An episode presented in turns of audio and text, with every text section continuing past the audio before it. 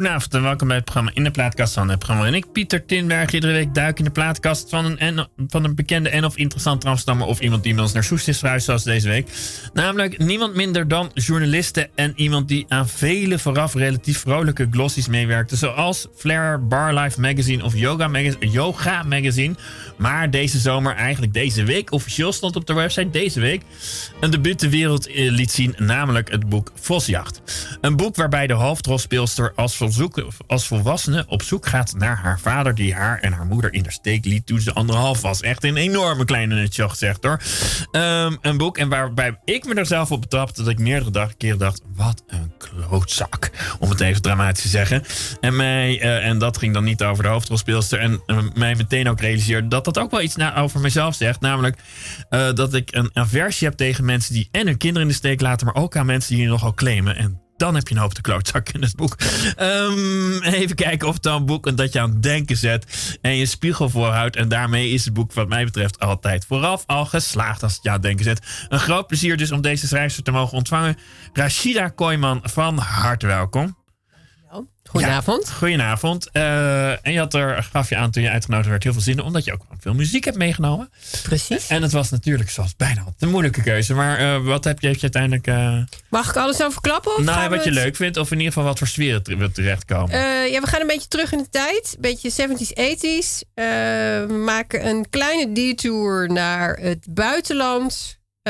om dan als we aan alle nummers toekomen, om dan weer modern te eindigen. Mooi. En waar gaan we mee beginnen? Uh, we gaan beginnen met uh, Big Love van Fleetwood Mac. En waarom dat nummer? Nou, omdat uh, de grote liefde me wel een heel mooi thema lijkt om deze avond mee te beginnen. Hè? Ja, zeker. Per slot van rekening draait het hele leven om die grote liefde. Ja. maar we beginnen met dit nummer omdat, nou ja, hè, Big Love, de grote liefde. mijn boek is een ode aan de liefde. Het maakt niet zozeer uit van wie je die liefde krijgt, als je die liefde maar krijgt.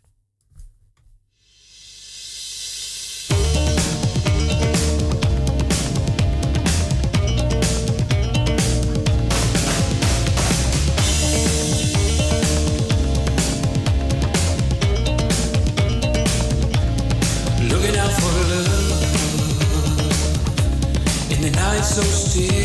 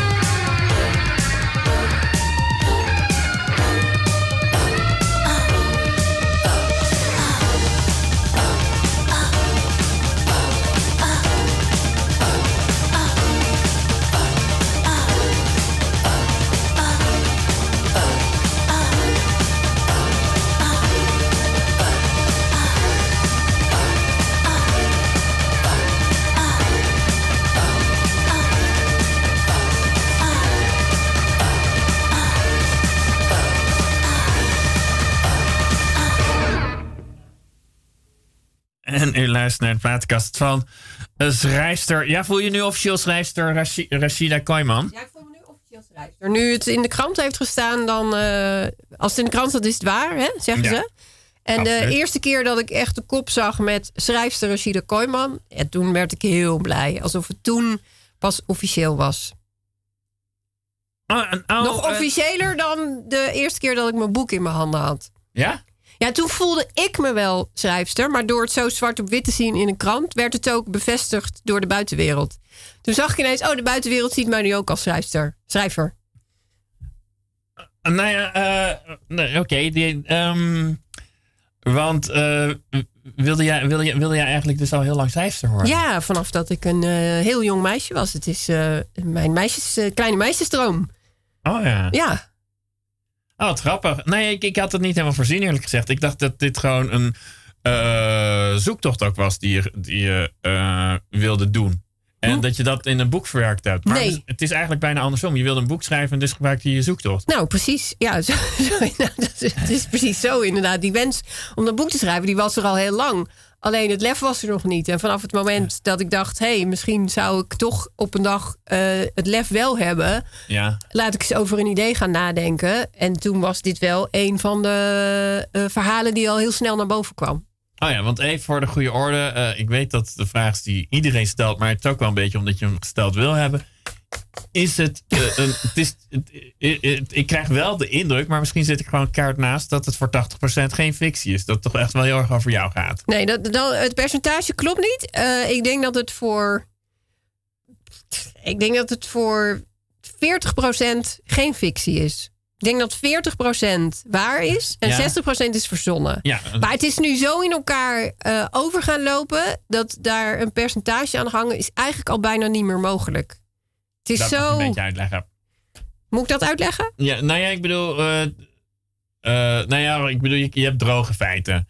Eh, om Ja. maar een paar baas. eh, eh, ben je, heeft jouw vader jou verlaten toen je jong was? Nee, mijn, nee, mijn ouders zijn wel eh, uit elkaar gegaan toen ik Ja. jong was. Maar zij zijn ook getrouwd geweest. Dus dat is een hele andere... Dus hij is niet zo'n Oh ja, hork als die de- man in het boek. Nee.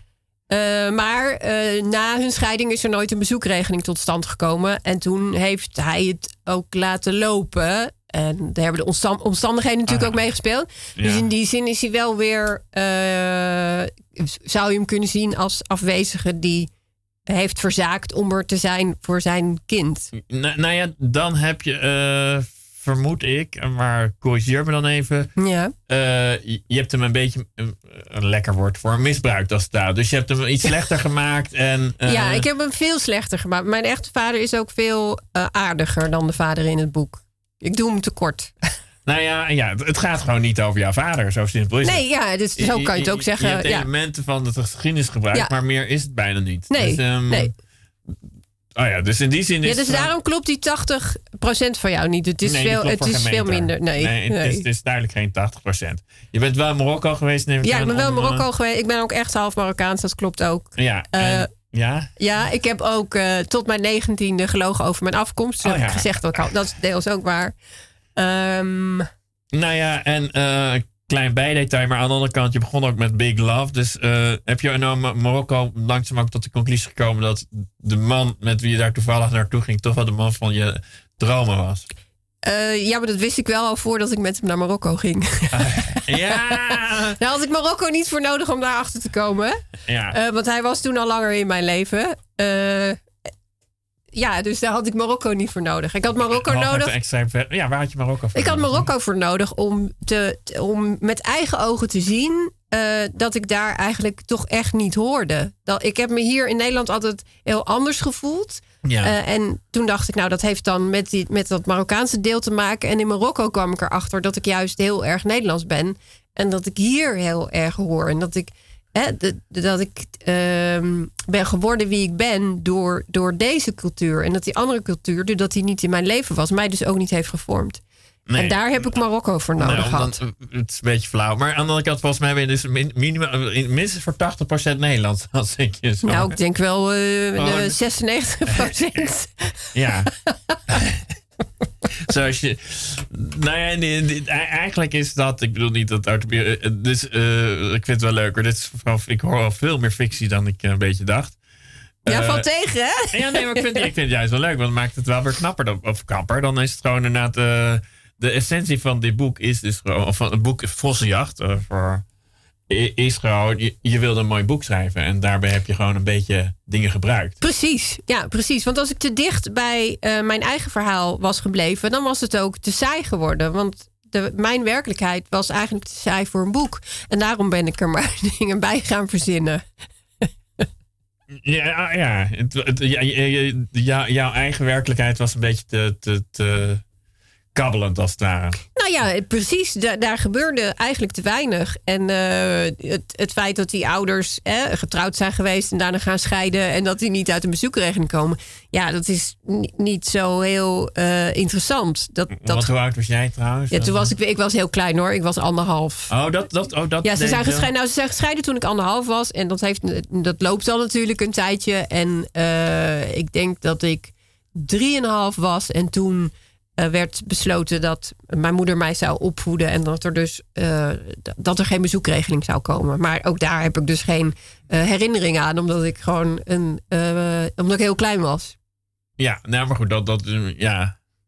Nou ja, oké. En, en eh, heb je later, ben je je vader wel later een beetje gaan opzoeken? Of, ehm, Nou, hij is mij op een gegeven moment gaan opzoeken. Op mijn eh, achttiende. en toen was ik er nog niet klaar voor. Toen wilde ik hem nog niet zien. ja. En toen heb ik hem zelf uiteindelijk op mijn 25ste opgezocht. Nou, oh, dat- het is toch wel weer al meer Ja, autobiografisch. ja, precies. Ik, nou, dat is dan weer wel uh, autobiografisch. Eh, oh, haar leeftijd staat er niet in.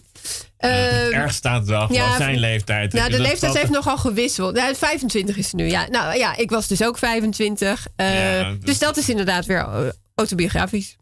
Ja, ehm, nou ja, omdat het. eh, nee, weet je wat? We doen nu gewoon eh, weer een boek. Eh, eh, Een liedje. Niet een boek, een liedje inderdaad. We kunnen ook een Ja, boek doen. en we, doen een, we doen een boek. Nee, we doen een liedje. En daarna kijken gaan we verder. Eh, eh, Under Pressure staat als tweede, maar het staat je geheel vrij om te denken: we doen een ander nummer nu. Nee, ik vind het wel mooi om eh, mijn nummer 2 Ook als nummer twee. te gaan beluisteren. Ja. En waarom dat nummer?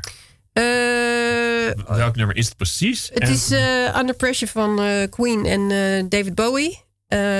Mijn moeder was een heel groot Queen-liefhebber. En in de puberteit... Je moeder leeft niet meer trouwens voor de goede orde. omdat Oh, is, oh, is, oké, oh, is. Ja, maar Ja, nee, Queen, maar is niet meer. Nee, oké, maar je moeder gelukkig nog wel. Ja, mijn moeder wel. Eh, maar goed, in de puberteit vind je natuurlijk alles aan je, aan je, aan je ouders stom. Of aan- in mijn geval aan mijn moeder. Dus toen vond ik Queen stom. En toen ben ik pas later eh, Queen enorm gaan waarderen. En ben gaan inzien dat die Freddie Mercury gewoon een dijk van een stem heeft. En wat ik heel mooi vind aan dit nummer is... Nou ja, hè, dat het gaat over... Laat je niet onder druk zetten. Zoek naar manieren om, om, nou, om, om uit te breken, om vrij te zijn.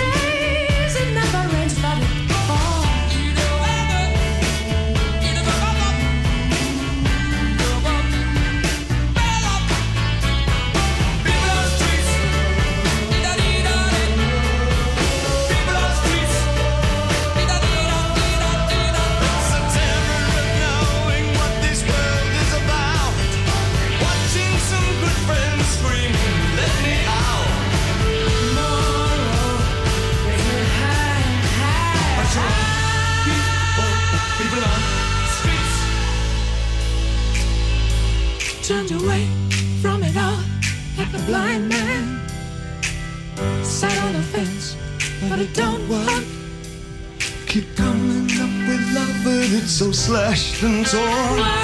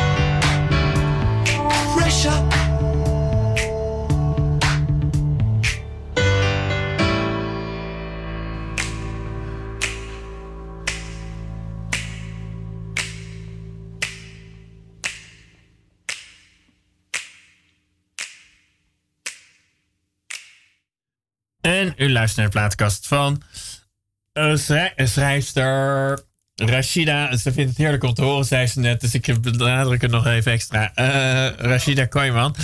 Eh, even kijken.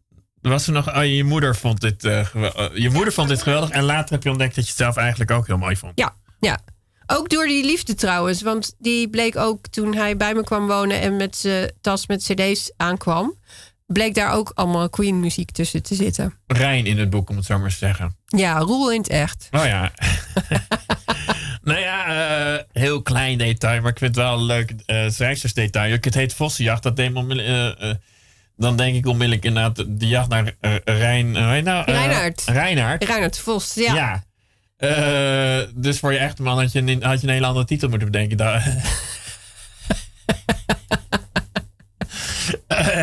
Nee, is het wel een beetje is het daardoor ontstaan. Hij gaat Rijn heten dat je opeens dacht, hé, hey, dat, eh, dat, dat, dat, dat maakt de titel leuk.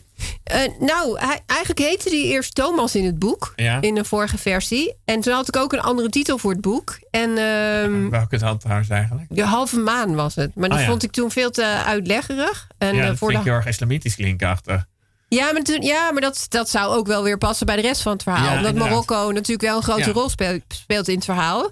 Ehm, en toen had ik gewoon ineens een inge ik had een ingeving. En toen dacht ik nee, want zo gaat het de hele tijd tijdens dat schrijfproces. Dat Ja. besta- is één grote verzameling van ingevingen. En één daarvan was, hij moet Rijn heten. Want dan kan ik er Reinhard van maken. En dan kan ik iets met, met die vos doen.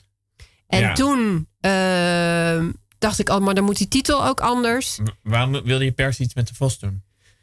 Ehm, Wilde je graag iets nee, de dat, nee, sorry. Het kwam door de naam Rijn. En de, de- voluit Reinaard. En toen, Ja. dacht- en toen kwam dus als vanzelf dat Vossen-thema erbij. En Ja. toen heb ik dat verder ook in het boek verwerkt.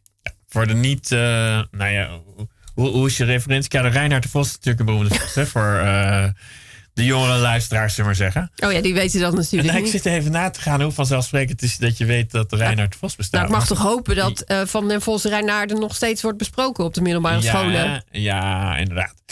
Eh, nou ja, wat ik ook wel dacht, want er zitten natuurlijk wel meerdere thema's in het boek. En eh, ik dacht ook van, op een bepaalde manier is het een raar soort controversieel boek.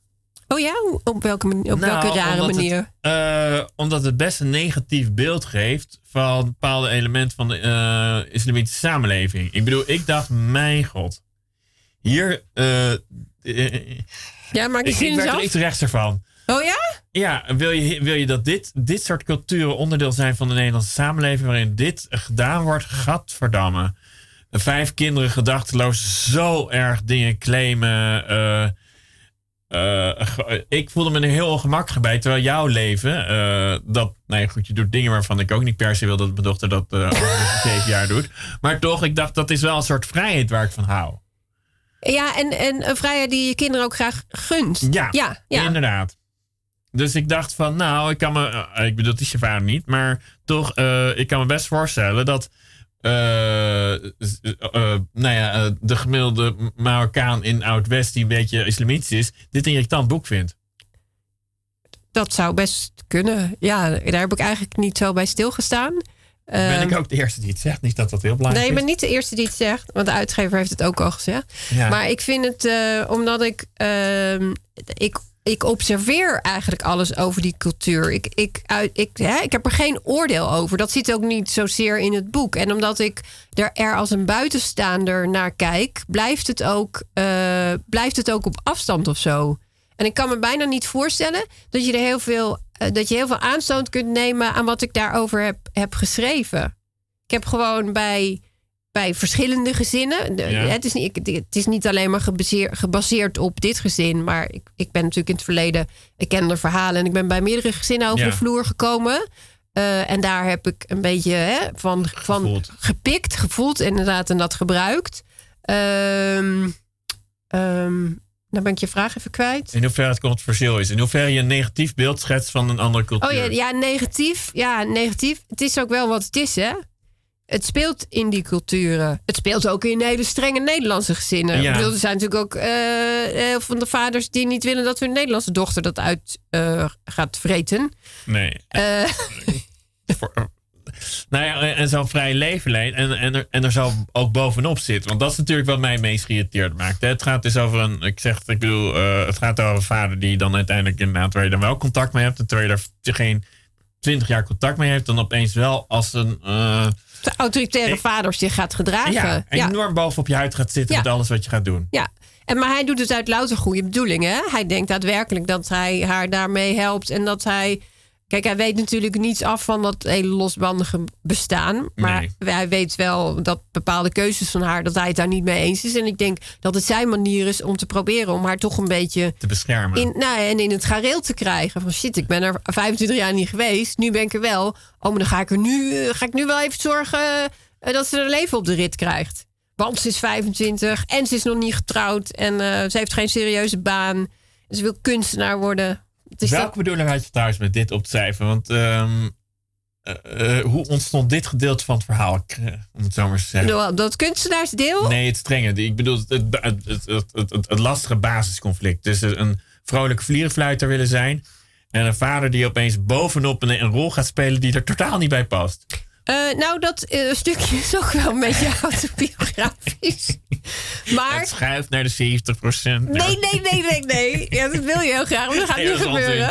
Eh, nou, omdat mijn vader wel een beetje bovenop dingen. En hij vond wel iets van bepaalde aspecten van mijn leven. Maar het was allemaal, het was veel vriendelijker en subtieler dan Ja. die vader dat in het boek doet. Maar voor het boek was het ook gewoon nodig om die tegenstelling tot die, te- tussen die twee, tussen Nadja en haar vader, om die tegenstelling groter te krijgen. Omdat het, als die tegenstelling niet groot genoeg zou zijn, was het niet gaan botsen. Nee, dus, Dan waren ze er gewoon uitgekomen en ze een leuke vader-dochterrelatie gekregen. ja, want je Ja, gewoon, was het eh, een ander boek geworden. Je wilde gewoon ook een leuk. Je wilde een boek schrijven. Ik bedoel, Ja. dat, dat was uiteindelijk volgens mij je kerndoel. eh wat in het begin van dit gesprek. Ja. Dus toen dacht je ook een beetje als. eh, daar heb je een soort eh, tegenstellingen voor nodig. Zoals een filmer die iets historisch filmt. eh, Apollo 13 is daar toevallig een leuk voorbeeld van. Die heeft de ruzies erin gezet, eh, gestopt die er helemaal niet zijn. Heb jij de spanningen eh echt met opzet gedacht. Ik ga, zo wat, ik ga dingen lekker aandikken. Nou, maar dat is precies, en dat komt weer mooi terug op wat ik, waar we het net over hadden. Van mijn, het, de echte situatie was veel saaier. Ja. Dus als ik bij de echte situatie was gebleven, ja, dan zouden die vader en die dochter in het boek maar een heel klein beetje van elkaar verschillen. Ja. Ja, dan kom je er wel uit. Heeft je vader het gelezen? Ik weet, ik weet dat ze- Nee, nee, eh, eh, nee. Ik denk, ik denk niet dat hij het heeft gelezen. Hij weet wel dat het bestaat, neem ik aan. Eh, weet ik eigenlijk ook nog niet. Wij hebben elk al heel lang weer, eh, is er weer radiostilte. Dus Oh eh, en, en schoonfamilie die misschien een, een, een, een halfzus of zo, die er waarschijnlijk dan ook, ook als die cupjes is, eh, die dat gelezen heeft en toch heeft gezegd, nou, dat is toch wel een leuk boek, Rashida. Of, eh, Nou, wie weet komt het nog. En schoonfamilie, schoonfamilie is weer... nee, schoon, sorry, niet schoon. Niet eh, schoon, half, halffamilie, half halffamilie, familie. ja. Ja. wie weet komt het nog. Ik bedoel, er is natuurlijk wat de nodige media-aandacht geweest. Dus ja, hoe- Als ze luisteren, ze mogen rustig jou een mailtje sturen van het was een leuk boek, toch? ja oh, absoluut. Dat heb ik sowieso heel graag. Dat als mensen het hebben gelezen en het mooi vonden, dat ze me dat laten weten. Mooi. Bij deze uitgenodigd om dat vooral te doen. We weer even muziek pakken? Ik zie Kate Bush als derde staan. Ja, ja, ja. Mijn, eh, de, de, de mooie, leuke Kate Bush. eh, die vroeger zo anders was dat iedereen haar verschrikkelijk vond. En dat ik juist daarom haar heel erg bewonderde. Op, op welke leeftijd had je toen trouwens deze bijzin? Oh, wanneer, wanneer is Dat Kate je dacht Bush? van, oh, zij is recalcitrant en daardoor vond ik haar heel gaaf. Hoe nou, ik denk dat ik toen een jaar of zeven of acht was. Dat, dat je, je toen al daar op zoek naar was. ja, ja. Oh, Ja. ja. En dat, nou, ik wilde, kijk, zij was natuurlijk, ze viel heel erg op, hè. Ze was natuurlijk heel opvallend en, eh, en, en de, haar manier van zingen en dansen. En ik weet dat heel veel, dat, dat geluid, die geluiden hoorde je dan al op school en met kinderen die op straat speelden, die die videoclips hadden gezien, dat iedereen het vreselijk vond. Ja. En, maar juist daarom wilde ik het dan dus mooi vinden. En ik Ja, denk dat ben, je- ik. Ben je al vanaf je vijfde ongeveer een licht recalcitrante... Waarschijnlijk wel. Het is, ik, kan, ik kan dat nu niet heel bewust terughalen. Maar het, eh, dat behoorlijk is, jong klinkt dat het namelijk, wel. eh, het is natuurlijk de aard van het beestje. En dat is Ja. niet pas in de puberteit ontstaan. Dat zal er altijd in hebben gezeten. En Kate Bush was daar een onderdeel van. Kate Bush was daar een onderdeel van. Ja. ja. En eh, kijk, zij viel dus heel erg op. En het liefst had ik dat ook gedaan. Maar dat durfde ik toen nog niet, want daar was ik veel te verlegen voor. Maar door haar dan te bewonderen, was ik toch ook een beetje anders.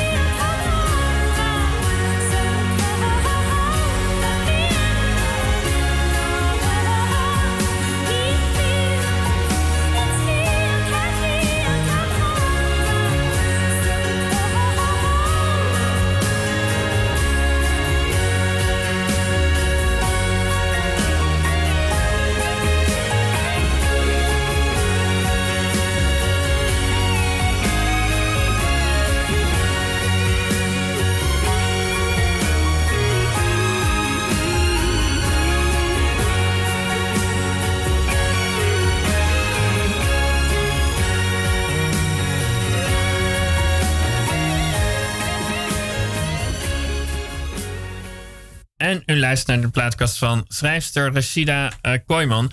En we hebben net geluisterd naar eh, een dame die eh, heel erg opvallend wilde zijn. Wat jij stiekem als vijfjarige meisje, eigenlijk, of zevenjarige, zei je net, ook wilde zijn. Ehm, nou, wat ik ook opvallend aan je boek vond. En misschien trekt dit weer wat extra lezers. Is dat er behoorlijk wat seks in voorkwam. Ja, Had je, want je, nou, je zei net, ik had net een tussengesprekje even met je. Zei mogelijk leuk voor kinderen van ja, of 16 voor een lijst, zei ik toen. En toen zei ja, want dan leest ze ook Wolkers. En bij Wol, eh, Wolkers denk, die, die eh, draait er ook niet omheen, zou ik nee, maar zeggen. nee. Eh, is dat een voorbeeld voor je om nog even een heel in het mond, in het mond van ik vind het ook leuk om mezelf schrijfster te kunnen noemen? Ehm, nou, ik heb Wolkers, de boeken die ik van Wolkers heb gelezen, heb ik met veel plezier gelezen. Ja, dat, ik vind het wel heel mooi eh, als mensen eh, heel vrij en schaamteloos eh, over seks kunnen schrijven. Dat, en dat is dan, dat lees je namelijk ook terug. Ja. Want je kunt er ook wel eens over lezen. Ik Kan, ik heb nu niet zo een voorbeeld paraat. Maar Ja. je kunt ook wel seksscènes lezen waarvan je denkt... Oh, had het maar niet gedaan. Het, nou ja, was dat een van de leuke uitdagingen die je ook gaf binnen dit boek? Ik bedoel, nou, eh, absoluut. Ja, absoluut. En ik, de, het, zat er, het zat er van tevoren eigenlijk niet in. Er zat wel hier en daar wat seks in, maar dat zat vooral in de reflectie. Ja. En toen eh, zei mijn manuscriptbeoordelaar, Janneke Jongman, die had ernaar gekeken en die zei: Ja, maar de manier waarop jij daarover schrijft, jij schrijft er zo vrij en schaamteloos over, daar moet je eigenlijk meer mee gaan doen. Je moet er scènes van maken. Oh ja. Toen dacht ik, nou, als, als jij het zegt, dan ga Ja. ik dat wel proberen. Nou ja, eh, eh, was dat een eh, leuke psychologische gegeven voor je? Zit ik nu te bedenken. Ja, als schrijfster, ook als verlegen meisje die juist gek wil, of niet gek wil, maar opvallend wil zijn. Denk, hé, hey, dit, is, eh, dit klusje gaan we eens even klaar. Ga ik Ja. in mezelf te raden. Ja, alhoewel je wel moet weten dat die verlegenheid al, al nou, Dit jaar verdwenen. Ja. ik, ben, ik ben de tel zelfs kwijt. Hè? Dat meisje is al lang dood, zeg maar. Ja. Ehm, dus in die zin was het ook... Het was geen overwinning om, om mezelf anders neer te zetten... dan dat verlegen meisje. Het was gewoon een heel... eh, het was een hele logische stap eigenlijk. En toen ik er ook... Vond je het ook eh, eh, een beetje raar woord, maar wel het goede denk ik. Vond je het ook lekker om te doen? Ja, het is, het is heel bevrijdend om te doen. Het is Ja? echt... Ja, ik kan het iedereen aanraden. Het is heel leuk om te doen. Ga, ga los op papier over seks. Ja, ga- en, en, en, en durf te schrijven alsof niemand het gaat lezen. En dat is juist het, wat er zo leuk aan was. Ja. Ehm, eh, dat alles dus kon. En het kon, het kon niet gek of plat genoeg zijn. En pas als het af is en je denkt, ja, maar zo is het goed. Dan ga je nadenken van, oh ja, eh, dan gaan ook bekenden het lezen en, en familieleden. En nou, dan kun je daarna alleen maar denken, nou ja, maar ik moest dit toch kwijt. ja. Ja. En Heb je al geschokte reacties gehad trouwens? Of valt dat dan mee? Nou, een vriendin die was een beetje. Die zei: eh, Oh, je schrijft wel heel rauw. En eh, het is wel heel rauw en schaamteloos, hè? Ja, maar ja, dat is ook wel wie ik ben. Ja, en dat bevestigen zij waarschijnlijk. Ja, het past wel. Nou ja, en, en in die zin, ik bedoel, ik wil er niet, eh, maar ik doe het, merk ik wel. Eh, het- dat is ook wel een, eh, ik wil het niet, maar ik doe het wel. Het zijn dan, maar goed, dames. ehm, het is ook wel een heel mooi, een heel heftig contrast met die Marokkaanse familie, die, waar, waar de hoofddoek opgaat zodra ze uit huis gaan ongeveer. Nou ja, precies. En het, het, het zegt ook heel veel over die hoofdpersoon. Over hoe zij die, die seks eigenlijk gebruikt ter compensatie. Het is een overlevingsmechanisme voor haar. Om Ja. haar verdriet en haar pijn maar niet te voelen. En verderop in het verhaal, als ze naar Marokko gaan... dan moet ik er heel erg oppassen wat ik zeg. Dat ik, geen, dat ik niets Veel weg... ja. Dat ik, ja, precies. Eh, maar dan verandert die seksuele relatie van die twee. En de manier waarop het verandert, zegt Ja. ook wel weer eh, iets over hoe hun relatie eh, verder gaat. Ja, ja, nee, daar zat een soort zacht element in. Precies, ja. Ja. Leuk. Zullen we weer even, eh, zodat we ze alle vijf, zes gewoon erin Ja, dat lijkt me wel heel leuk, ja. Dus dat gaan we doen. Eh, Red Hot Chili Peppers zag, zie ik nu staan. Ja, de, eh, een van de beste bands ter wereld, als je het mij vraagt. En we gaan luisteren naar Venice Queen. En dat is wat mij betreft een van de mooiste nummers van de Peppers. Eh, vinden mijn kinderen ook. Die zingen dit nummer Hoe ook mee. kinderen? Tien, Acht en tien. Oh, acht en tien. En toen ze ook hoorden wat ik ging doen, en dat ik muziek mocht kiezen, zeiden ze ook meteen: Oh, dan ga je zeker Gloria doen, want hij zingt over een Gloria. Ja, Ehm, ja, en de Peppers, wat ik zo ontzettend mooi vind aan de muziek en in het bijzonder aan dit nummer, is dat je. Het bestaat uit zoveel lagen. Als ik ook alleen in de auto zit, draai ik dit nummer ook rustig vier keer achter elkaar. En dan hoor ik elke keer weer iets anders.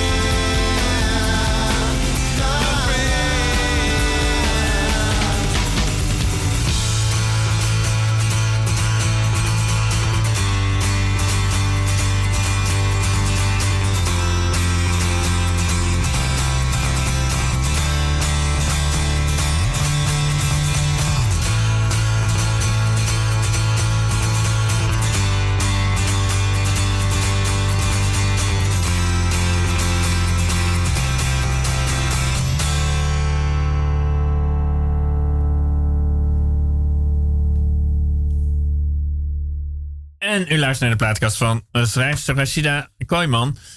Ehm, en eh, ehm, hebben dus, eh, eh, nee, wat ik wilde vragen, we zijn langzaam bij het einde van de uitzending. En eh, je werd eigenlijk binnen dit gesprek gewoon het vrolijkst van het woord eh, schrijfster. Dus ik denk, eh, nou, we gaan dat nu heel vaak zeggen. nou, niet alleen dat, maar dan, dan blijft het niet bij één boek. Dus de klassieke vraag, ben je al met nummer twee bezig?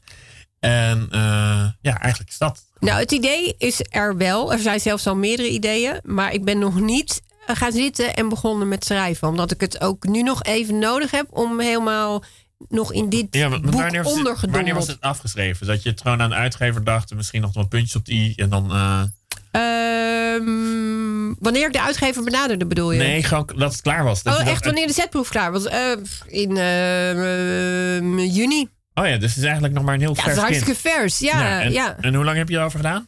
Eh, vijf jaar in totaal. Maar Oh ja. dat, daar zitten ook eh, eh, periodes in waarin ik helemaal niet heb geschreven. Ik heb ook twee grote pauzes gehad. Eentje van een jaar en eentje van anderhalf jaar. Ja, Maar alles bij elkaar ben ik vijf jaar... ja dus moet je even bijkomen. moet ik even van bijkomen. Zou Ja, het voor een boek net zo gelden als voor een relatie de helft? Je moet het zelf geloof ik even ja over. ook, ik heb het ook in het boek. Ja, Ja. dat je de helft van de tijd nodig hebt om... eh, nee, nee, nee, dat niet. Dat niet. Nee, zeker niet. Eh, want er zit een heel verschil tussen de, eh, het beginproces van het boek en het eindproces. En het eindproces van het boek, of nee, ik zeg het verkeerd. Het eerste deel van het schrijven, en het tweede deel van het schrijven. En het tweede deel van het schrijven, toen ging het zoveel makkelijker. Omdat ik me toen over allemaal eh, weerstand ja. en aannames had, had heen gezet. En toen ging het schrijven eigenlijk als vanzelf. En die, die, die, die periode die ik door moest om daar te komen, die hoef ik met een tweede boek niet door. Want er is nu een overtuiging die er daarvoor niet was. Is dit eh, een van de grootste bevrijdingen in je leven geweest? Dit hele Een van de grootste wat? bevrijdingen in je leven? Ja, ja, ja, ja, ja. Waarvan ben je bevrijd? Van het feit dat je een boek kan schrijven? Van een, deel, van, een stuk, van een deel van mijn onzekerheid. Ja, het geloof dat ik een boek kan schrijven is er nu. En voorheen was dat er niet. En dan wilde ik het wel proberen. Maar dan was er toch die innerlijke stem die zei... eh, ja, maar wie denk je wel niet dat je maar, bent? Maar Hoezo je zou jij dat kunnen? Niet van, ik wil over tien jaar ook gewoon tien boeken geschreven hebben. Raadje klad. Gewoon. Nee, want ik heb ook wel geleerd... daarom had ik net het nummer Under Pressure... ik heb ook wel geleerd om zelf geen ongezonde druk meer op te leggen. Oh ja, dus wel, ik ga lekker, Ja. blijf lekker schrijven, maar hoe en wat, dat ho- hoef je zelf niet onder. Misschien doe ik wel tien jaar over mijn tweede boek. Oké, mooi. Zullen want ik dacht, ik ga eh, alle nummers gaan Ja, we gaan eens even er doorheen, Dus eh, eh. we gaan nu al heel snel naar eh, Camon de la Isla. Wel, vertel zelf maar, wat is welk nummer en waarom? Eh Cameron de la Isla is een eh, Spaanse flamenco-zangeres. eh, Ja. Zanger. Eh, En ik hoef er ook niet bij te zeggen dat het Spaans is, bedenk ik me nu. Ehm, en ik dans al heel lang flamenco. Ik ben een groot liefhebber. Ik heb het ook Toch eens een beetje Spaans, ja? Ja, verder? toch een beetje Spaans, Mag- precies. Ik heb het ook heel vaak thuis opstaan. En ja, de flamenco is natuurlijk de muziek van de ontheemden. Dat wordt over meer muzieksoorten gezegd, maar voor mij is het flamenco. En dit nummer, Soy Gitano, betekent ik ben een zigeuner. En ehm, er zit zoveel melancholie in dit nummer. Dat dit is ook het nummer dat ik elke schrijfdag opzette voordat ik ging schrijven. En dan kwam ik hiermee in, in een soort. Ja, dan voelde ik een sterke eenzaamheid. Dan voelde ik eigenlijk Nadja's eenzaamheid. En dan begon, ging ik aan de slag.